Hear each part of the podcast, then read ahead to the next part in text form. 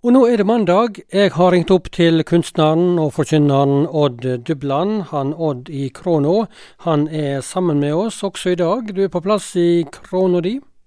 Ja, god morgen, god morgen, Inge. Jeg ser det nå i denne berømmelige Krono mi, jeg. Du vet det, bare på, på Østlandet så hadde de Det er ikke sikkert de forstår det der uttrykket krona.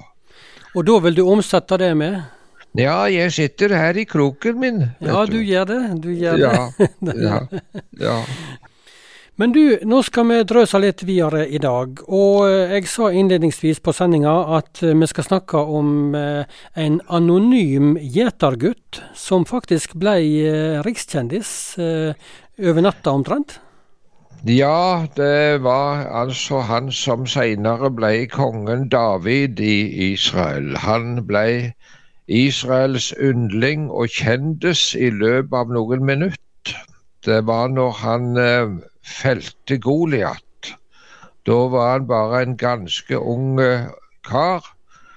Og eh, det var jo en svær situasjon der Israel sto i fare for å bli virkelig nedkjempa. Og denne David da klarte å felle denne svære krigskjempa som var profesjonell soldat. Og eh, da var det kvinnene etterpå som sang. Og da var det en konge i, som het Saul, og de, de sang at Saul han felte 1000, men David felte 10 000. Og da ble kongen Saul dødelig sjalu. Og han eh, ble misunnelig på David, og Saul var nok mentalt syk også. Men nå var det slik at denne David han var så musikalsk. Han eh, spilte på harpa. Der står det, du Inge, om ei tistrengsharpe. Så hadde det vært underlig å høre på det der. Ja, og hva brukte han den til? Nei, han sang altså, og så spilte han på harpa. Og denne, da, denne kongen Saul, da, han, eh, han, likte veldig godt å høre på David når David spilte, fordi at han, eh, denne lidelsen hans, den sykdommen, syntes å ikke få det grepet på Saul når David spilte på harpa si. Så han brukte den altså til å hjelpe Saul på en måte? Ja, det var terapi, rett og slett. Ja, ja, ja. ja det var det. Men uh, Saul han var misunnelig og mistenksom. Han var sjukelig mistenksom. Og uh, en gang så sendte han ut 3000 mann for å prøve å få tak på David og ta livet hans. Hvordan gikk det? Ja, Nei, altså De måtte gi seg fordi at det kom rykter om at det hadde brutt ut uro en annen plass, og de måtte trekke styrken tilbake igjen. Men David han uh, synger i uh, Salme 23 om jeg enn skulle vandre i dødsskyggens dal, så frykter jeg ikke for noe vondt, for du er med meg. Og Saken er den at David han vandra egentlig i dødsskyggens dal hele livet. Ja, hvordan, da? Ja, for han var i livsfare hele tida. Ja. Han sier det slik i en salme det er et steg mellom meg og døden et steg.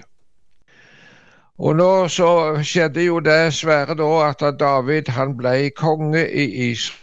Det var en av de store kongene, og han var mannen etter Guds hjerte, står det skrevet. Ja, det står det skrevet. Mann etter ja. Guds hjerte. Det er jo en ganske ja. solid attest, altså. Ja, det er en svær attest.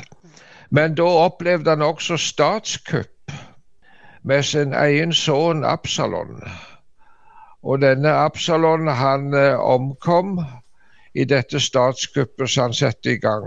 Og det var også til Davids store sorg. Hadde, det var hans egen gutt som hadde satt i gang, en, sin egen sønn som hadde satt i gang med dette statskuppet. Men så er det slik at de som har makt, og det hadde David, eh, de kan òg være i en farlig situasjon. En kan misbruke makt. Og så var det en gang kong David han uh, var hjemme i uh, Jerusalem. Og hæren uh, den var ute i stridigheter en plass. Og David han eh, drev og gikk oppe på taket på det, det slottet, og der ser han plutselig ei kvinne som holder på å bade. Det, hun heter Batseba. Hun var kona til en mann som heter Urias. Og da er det David gjør det fatale at han kaller henne inn på slottet. og det resulterer i et uønska svangerskap. Og nå var det slik at David han hadde nok kvinner nok, men han forgrep seg altså på kona til en annen mann. Og så gjorde han flere desperate forsøk på å skjule dette farskapet. Ja, Hvordan endte det, da? Nei, han klarte ikke det. Og så eh, ble det til slutt slik at han fikk Urias, mannen til Batseba, han ble drept, rett og slett. Og det var det David som sto for at det ble gjort. Hvordan gikk det med David etter dette her? Ja, eh, kanskje en skulle tenke det når han hadde fått skjult det og ingen mistenkte om noe slikt, så var det samvittigheten som gnog. De, han gikk kanskje i flere år og hadde det tungt. Han sier det slik salme at dag og natt lå de han tungt på meg. Og Det som er merkelig, det er at Bibelen er så åpen av disse forholdene. Det, det er underlig det, du Inge. Den, den er så usminka. Og så er det at da, Herren forbarmer seg over David i denne situasjonen. Ja, På, på, hva, på hva måte skjer det? Jo, han uh, sender en profet som heter Natan, som vil snakke med David. Og det kunne mest være risikabelt for en profet å stige framfor kongen og si slike alvorlige ting til han. Men han eh, begynner å fortelle at uh, det var to menn i en by. Det sier denne Natan. Han sier det til David, altså. Det bodde to menn i en by. Den ene var rik, og den andre var fattige. Og Den rike hadde småfe og storfe i mengdevis. Og den fattige åtte ikke annet eller et eneste lite lam som han hadde kjøpt og alt opp og det vokste til sammen med båndene hans, og åt av maten hans og drakk av skåla hans og lå i fanget hans og var som ei datter for han. Det er merkelig å tenke på det som står skrevet der, du Inge. Ja, det kan du si, altså. Ja, Og en dag så kom der en, eh, en færamann, en som var på reis og ville besøke den rike. Men den rike han uh, makta ikke ta noe av sitt eget småfe eller storfe og lage til noe mat til denne reisekaren som var kommet. Han tar lammet og fanget til den fattige og lager mat til gjesten.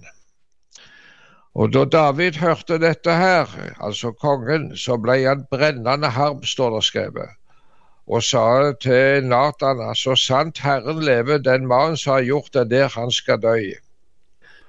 Og da er det Nathan peker på David. Hva sier Nathan da? Ja, du er mannen som har gjort dette. Og så forteller Nathan hva David har gjort, hvordan han har tatt kona til en annen mann. Og det som skjer da, det er det at eh, David han sier med en gang jeg har synda mot Herren. Altså, det, Han går til innrømmelse med en gang. Jeg har synda mot Herren, sier David. Og da sier Natan, så har òg Herren tatt bort synda di. Du skal ikke dø. Du møter altså David. Han, han var ingen psykopat, men han hadde en samvittighet. Og så er det han synger i en salme etterpå, David. Vær meg nådig, Gud, i din truskap. Stryk ut mine brudd for de miskunn. Gir meg rein og fri for skuld. For mine brudd kjenner jeg, og min sønn står alltid for meg, sier han. Og her er det en ting jeg har tenkt litt på, du Inge. Ja, hva, hva da? Du ser det at uh, vi har alle gjort det som er galt. Og i vår ungdom kan vi ha funnet på ting. Vi sa ting, gjorde ting i tankeløse og lettsindighet. Og så tenker en kanskje når en blir gammel, slik som meg, at da glemmer du alt det som var tåpelig. Og det kan jo hende en gjør at mesteparten av det, men det er ting som allikevel ser og selv om en blir en eldre person. Og da sier David slik at kom ikke mine ungdomssynder i hu, for min synd står alltid for meg. Og det er underlig å tenke på det. Og så sier David det slik Gud skap i meg et rent hjerte og gi meg en ny og stødig ånd. Kast meg ikke bort fra ditt åsyn, ta ikke ifra meg din hellige ande. Og Her er et lite bilde av David, altså. En mann som angrer det han har gjort, og han har eh, opplevd at Gud hadde tilgitt det han hadde gjort. Hva, sier han, ja. hva, var grunnen til at han ble kalt for mann etter Guds hjerte? Nei, eh, han hadde Det var, det var Gud som var hans frelser, altså. For uh, han, han holdt seg til Herren i alt som hadde skjedd, og måtte tilbake til Han. Og han sier det slik en plass I de hånd er mine tider, altså. Det kan være greit å ta med seg i dag òg for, for, oss det. I Guds hånd er våre tider.